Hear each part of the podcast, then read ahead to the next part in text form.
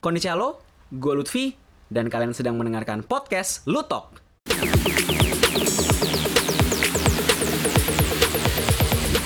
Di episode ke-13 di season kedua kali ini alias episode ke-26 dari Lutok, gue akan membahas tentang Arashi lagi ya. Setelah sebelumnya nih ya, di dua episode eh, dua episode terakhirnya Lutok di episode ke-10, gue membahas Arashi. Sekarang gue akan membahas Arashi lagi karena ternyata ini berkaitan dengan ketika gue datang ke presscon mereka ya. Presscon sekaligus fan meeting ya Jetstorm Arashi in Jakarta gitu. Ini sangat berkaitan dengan lagu barunya Arashi yang judul Turning Up gitu. Karena pas gue lihat di pressconnya sendiri di Jetstormnya sendiri ini Arashi kayak ibarat kata dari semua artis Jepang coy. Jujur jujur jujur. Dari semua artis Jepang nih yang pengen gue datang ke Indonesia yang pengen mereka datang ke Indonesia itu Arashi tuh list paling terakhir gitu. Karena you know gitu mereka sebelumnya kan ya apalagi boyband boyband Janis itu kan sangat-sangat strict ya sangat-sangat ketat ya kan. Kayak boro-boro gitu kan mereka pasang di digital gitu ya kan mereka pasangnya kayak pengen fisik pengen CD doang gitu kan. Dan itu berpengaruh gitu loh. Karena Arashi seperti itu jadi kayak orang-orang di Jepang sana berpikir kayak ya ngapain kita jual digital gitu loh? Toh dengan Arashi yang kayak gini jual CD aja laku jual single CD aja laku dan jual DVD laku kenapa kita harus capek-capek ke digital gitu? Dan itu membuat musik Jepang ini jadi kekungkung gitu. Musik Jepang ini jadi terperangkap dalam zona nyamannya sendiri. Ya udah yang orang-orang Jepang lagi gitu loh. Dan ini sudah pernah gua katakan di episode pertama di podcast Lutok. Boleh didengerin di Spotify di Anchor langsung cari aja di scroll paling bawah habis perkenalan itu ada. Gue ngejelasin bahwa sebenarnya Arashi ini menjadi salah satu penyebab musik Jepang ini tertutup dan agensinya yaitu Janis en Janis Entertainment. Tapi sekarang mereka sudah terbuka dan menurut gue ini sebuah anomali tersendiri gitu loh. Kayak ibarat kata mereka nih up waktu upload video di YouTube gue kaget kayak wah gila sih gitu loh. Terus habis itu beberapa minggu kemudian mereka announce pengen ke Jakarta. Oke, terus beberapa beberapa beberapa jam setelah mereka announce ke Jakarta, mereka buka single barunya Turning Up itu digital nggak via fisik. Iya kan? Terus habis itu mereka ngebuka single meskipun itu single doang ya dan itu satuan ya. Mereka sem ngebuka semua single Arashi di Spotify, Apple Music, coy. Kayak di iTunes kayak itu tuh gila. Gue nggak nyangka. Kayak sampai ada yang bilang nih ap, apa harus nunggu si Joni kita gawanya die dulu nih baru bisa kayak gini? gitu kan. Sampai ada running joke ke sana gitu loh. Kayak ibarat kata dari semua boy band Jepang gitu Jepang artis Jepang yang paling gua eh, artis itu gue gak ada low expectation coy terus tiba-tiba mereka buka digital gitu loh kayak wow gitu loh ya kan? Dan pas mereka datang ya di Jetstorm waktu itu di pas uh, Arashi datang ke Jakarta kemarin gue merasakan bahwa uh, vibe mereka tuh pas datang mereka tuh nggak kayak idol nomor satu coy. Mereka nggak kayak boyband nomor satu se Asia gitu loh. Kayak ibarat kata kayak boyband yang baru banget gitu loh kayak kayak auranya tuh meskipun mereka capek ya tapi ada aura warm ada aura menenang ada aura yang kayak happy gitu kayak wah akhirnya kita bisa melihat fans kita di luar uh, Jepang loh ternyata gitu dan di luar ya di luar ekspektasi kita ternyata rame gitu loh di, di kota pertama. Do meskipun ada, yang bilang oh Singapura lebih rame Bangkok lebih rame gitu kan. Tapi ya baik lagi gitu loh karena pertama kali di Jakarta ya Arashi sudah merasa senang gitu. Kayak wah ternyata di Jakarta rame ya. Di Singapura di Bangkok mudah-mudahan bisa lebih rame lagi gitu kan. Pasti ada ekspektasi kayak gitu dan itu terbukti gitu ya kan. Di Jakarta sendiri gue melihat Arashi sendiri pas datang ke presscon ke uh, fan meetingnya itu ada nuansa warm sih nuansa bener-bener kayak apa ya friendly aja sih kesannya gitu loh. Nggak nggak kayak ada jarak antara artis dan juga uh, fans gitu loh. Sampai-sampai waktu di terakhir presscon si Matsujunnya itu sampai ngomong gitu karena fansnya fansnya diperbolehkan untuk foto-foto Arashi berkata kayak fotografer media langsung disuruh turun. E, tolong dong buat med media jongkok semua ya karena fans ini nggak bisa ngeliat kita loh. Gila coy sampai segitunya gitu loh. Gue kayak wow this boy band is something gitu loh. Gue nggak merasakan apa ya ketika lu melihat seorang superstar gitu pasti kan merasa kayak wah di stand jauh gitu. Ini enggak Arashi tuh nggak kayak gitu. Levelnya kayak friendly banget. Dia mereka tuh kayak boyband baru coy sebenarnya gitu. Dan sebenarnya Arashi sendiri menurut gue ya di masa-masa mereka sebelum hiatus pada 31 Desember 2020 yang akan datang mereka nih ingin banget untuk menjadi dewasa ya. Dan sudah dewasa juga tentunya ya kan. Dan ingin merevitalisasi me mengubah image dari brand mereka sendiri gitu loh. Karena sebenarnya begini Arashi kan dari dulu yang kita tahu kayak tertutup ibarat kata kayak oh deh, lu kalau misalnya mau nonton TV Arashi lu harus beli dulu DVD-nya atau enggak beli apa dulu gitu kan. Wah kalau mau nyari video klipnya lu harus uh, menggali-gali forum-forum dulu zaman dulu gitu. Sekarang mereka enggak sekarang mereka terbuka banget gitu loh. Mereka bikin sosial media sendiri sampai TikTok bayangkan TikTok gitu loh. Mereka bikin TikTok coy. Besok mungkin kita bakal melihat Matsujun nyanyi lagu gagak ya kan mungkin mereka Matsujun bakal nyanyi lagu dangdut atau Masaki Aiba bisa gue joget-joget atau uh, show bisa ngapain? Kita nggak tahu coy karena mereka sudah punya TikTok gitu loh. Gila sih.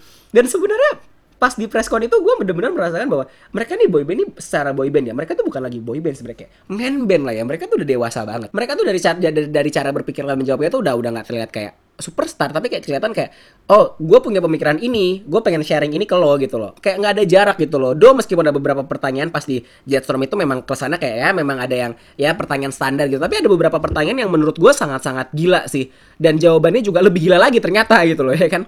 Waktu itu ada yang nanya ke sana uh, bedanya J-pop sama K-pop ini apa gitu dan bagaimana uh, tanggapan Arashi tentang itu gitu. Dan sebenarnya kalau menurut gue sendiri jawaban mereka gila sih. Gila sih kayak, oh gila seorang idol bisa menjawab seperti itu. Dan sebenarnya up, sebenarnya di lirik lagu mereka yang baru nih yang Arashi yang Turning Up itu sudah menjelaskan apa yang uh, mereka ingin sampaikan gitu loh kepada dunia gitu loh. Dan beberapa dan dan dan ini pas gue baca lagi lirik yang Arashi Turning Up, ternyata memang yang di presscon itu gini loh, mereka tuh konsisten gitu loh. Apa yang diucapkan di pressconnya di Jetstorm itu dan dengan di Arasi Terniap itu konsisten gitu loh. Kayak kayak kayak lu ketika lu baca liriknya dan ketika lu memaknai jawaban-jawaban uh, dari Arashi pas di Jetstorm Jakarta kemarin, make sense gitu loh. Kayak gini, sebenarnya Arashi sendiri di tahun 2020 kan sebelum mereka tahun 2020 mereka tuh fokus gitu loh mereka tuh pengen fokus udah karena gue udah terbuka nih gue udah uh, membuka diri ke seluruh dunia ya udah gitu loh ya gue mau konsisten di situ aja dulu. Gue mau konsisten untuk membangun fanbase di dunia gitu loh. Gue nggak mau berpikir oh kita sales kita turun ya. Oh nanti kita nggak lagi. Ya bodo amat gitu loh. Ketika lu seorang artis yang punya 50 juta kopi album yang terjual dan salah satu artis yang ya top di Jepang ya ya what do you expect gitu loh ya kan? Dan gue suka sih dengan pemikiran seperti itu gitu. Karena mereka sudah terkenal jadi mereka bisa ke fokus ke hal lain ya ke sosial media yang mereka nggak tersentuh selama beberapa tahun gitu. Dan ini liriknya nih bener-bener gila sih pas gue baca lagi kayak wow gitu loh. We got that something your guilty pleasure. Coy mereka nih sudah mengakui bahwa mereka tuh guilty guilty pleasure semua orang gitu loh. Ibarat kata gini lah. Kayak kayak kayak apa ya?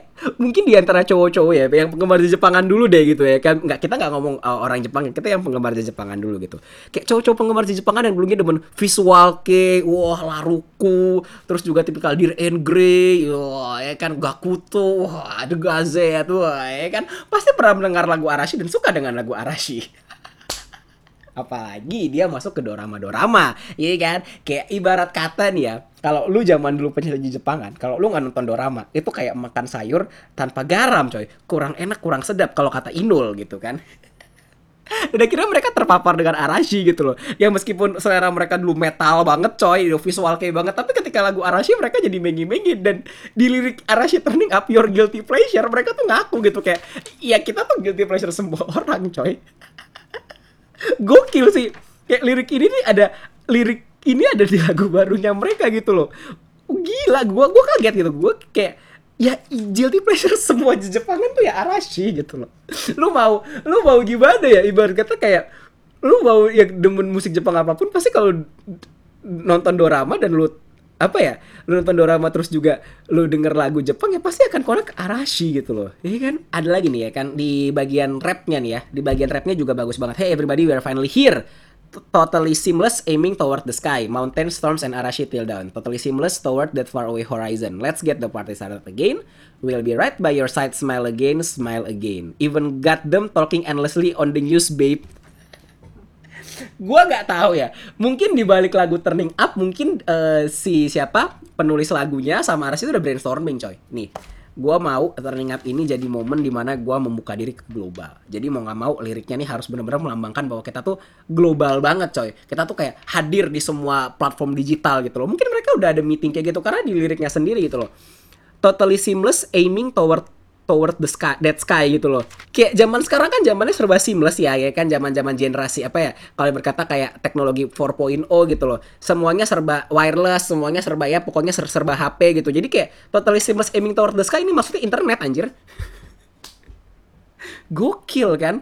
Jadi mereka mau kayak hey everybody we are finally here. Totally seamless aiming toward that sky. Ini maksudnya dia tuh lagu-lagunya tuh udah bisa didengerin di apa didengerin di internet. Kayak oh iya ya bener juga ya ya kan? Terus akhirnya dia bilang even got them talking endlessly on the news. Ya iya gitu ketika lu Arashi boy band segede Arashi lo membuka diri kepada dunia ya gimana itu nggak jadi berita coy? Waktu itu aja Arashi uh, buka di YouTube dan di YouTube baru YouTube loh. Itu yang share banyak banget dan mereka kayak wah anjir ini beneran. Ini tidak bohong kan pastikan. Ini ini bukan uh, channel rip off kan channel-channel yang nggak official kan. Ternyata official gitu. Dan gue juga shock kayak wow Arashi.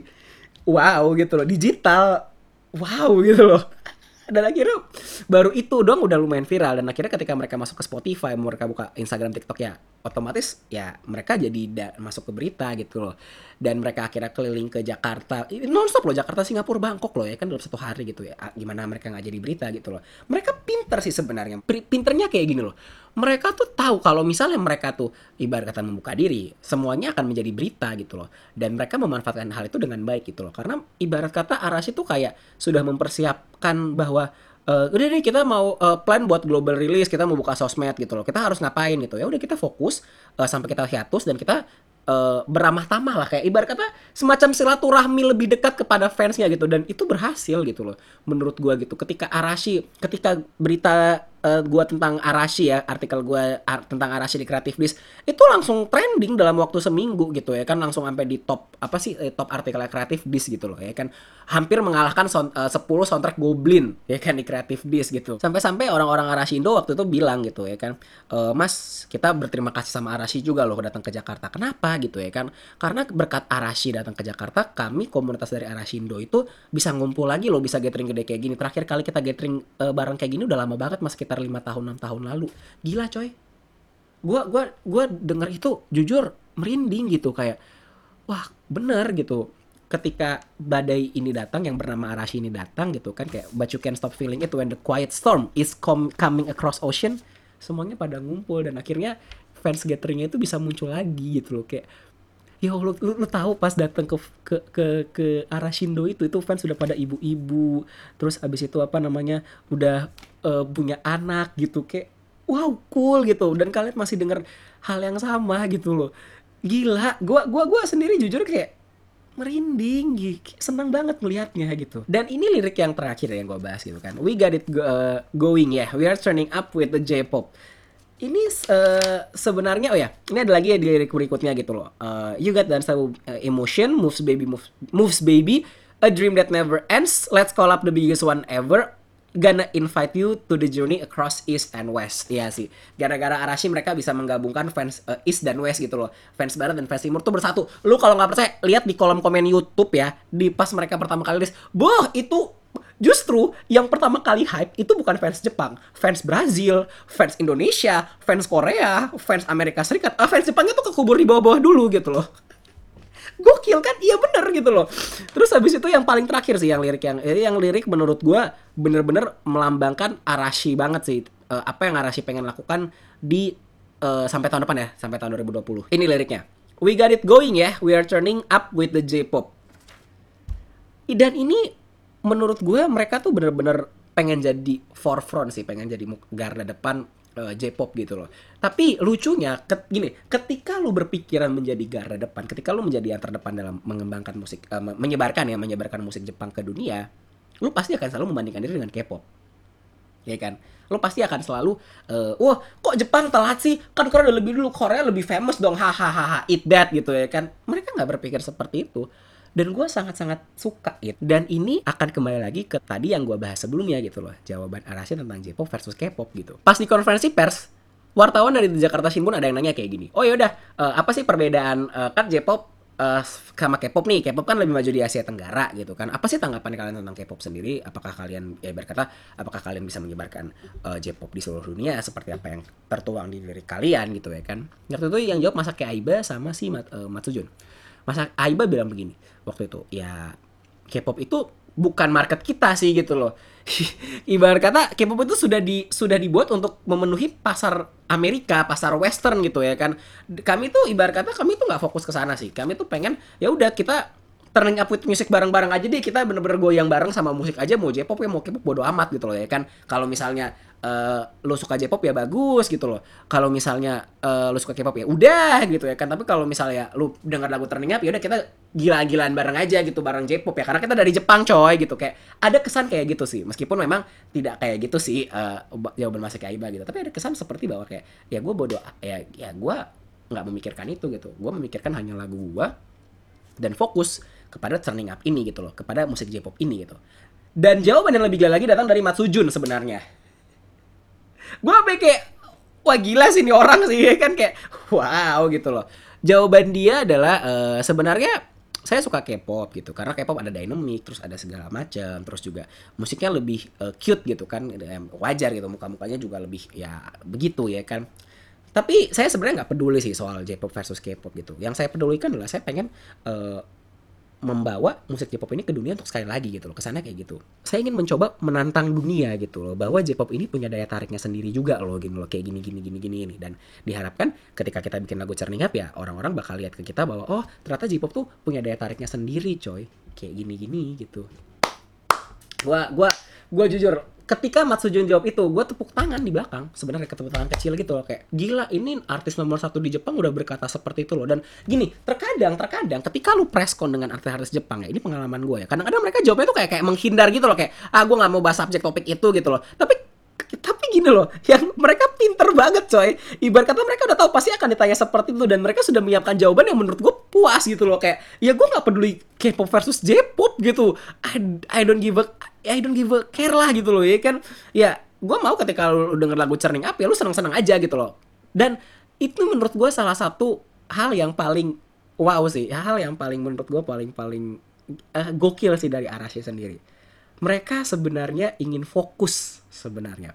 Mereka benar-benar ingin fokus dengan satu tujuan yaitu bagaimana caranya sebelum mereka hiatus pengaruh mereka uh, pengaruh mereka ini sudah menyebar ke seluruh dunia.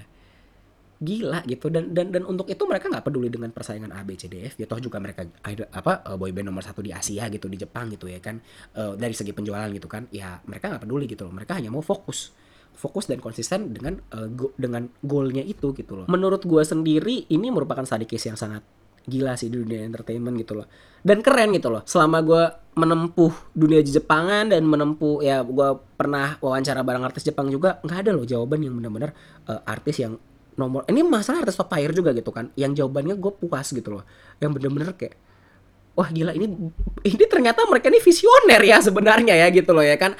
Ataupun kalau misalnya mereka dilatih untuk visioner nggak apa-apa gitu loh. Yang penting mereka dari dari kelihatan gitu loh. Dari keyakinan mereka menjawab dari mereka uh, berpendapat gitu dengan dengan media dengan media yang baru gitu kan media-media mungkin mereka nggak kenal atau bisa menyerang mereka mereka masih bisa menjawab seperti itu gitu loh. Kayak gila ini boyband sebenarnya udah growing banget gitu. Pendewasaan banget gitu. Mereka boyband ini sudah dewasa dan mereka tuh ibarat kata uh, dengan menjadi dewasa lu berarti sudah bisa lebih fokus bisa lebih wise dalam menjawab pertanyaan gitu. Dan sebenarnya ini sudah tertuang dalam liriknya Churning Up gitu loh. Di dalam lirik Churning Up ini sebenarnya uh, apa yang disampaikan Arashi di Jasom ini hampir sama gitu loh. Yang pertama adalah uh, bahwa mereka ingin konsisten dan ingin uh, fokus gitu ya kan uh, dalam uh, menyenangkan hati orang sebelum 2020 itu ada di sini. Terus yang kedua adalah nah mereka mereka ingin uh, tertantang gitu loh. Mereka ingin menantang dunia sekali lagi gitu loh. Mereka ingin menantang bahwa musik J-pop ini sebenarnya menarik coy gitu loh. Dengan kita turning up, dengan kita membuka diri gitu ya kan nih. Totally seamless aiming uh, we are finally here. Uh, bukan Watashiga kita Hiroaka ya meskipun hampir mirip. kita udah di sini nih. Ya udah, yuk kita sama-sama bareng gitu. Gila gitu. Dan yang ketiga adalah mereka akhirnya gitu loh part uh, bagian dari kedewasaan bagian dari pendewasaan adalah ketika lo mengakui bahwa lo tuh ampas gitu. Lo tuh kayak lo tuh jadi candaan orang gitu ya kan? Dan mereka mengakuinya di liriknya we got that something. Your guilty pleasure. Mereka ngaku kalau di mereka tuh guilty pleasure semua orang dan mereka menerima itu. Gokil gitu loh. Itu menurut gue bagian dari pendewasaan sih. Kayak mereka memar gitu mereka tuh mem mem memarodikan diri mereka sendiri gitu loh. Gila coy. Bayangkan gitu. Boyband nomor satu di Jepang memarodikan diri mereka sendiri. Wow gitu loh. Mature banget gitu.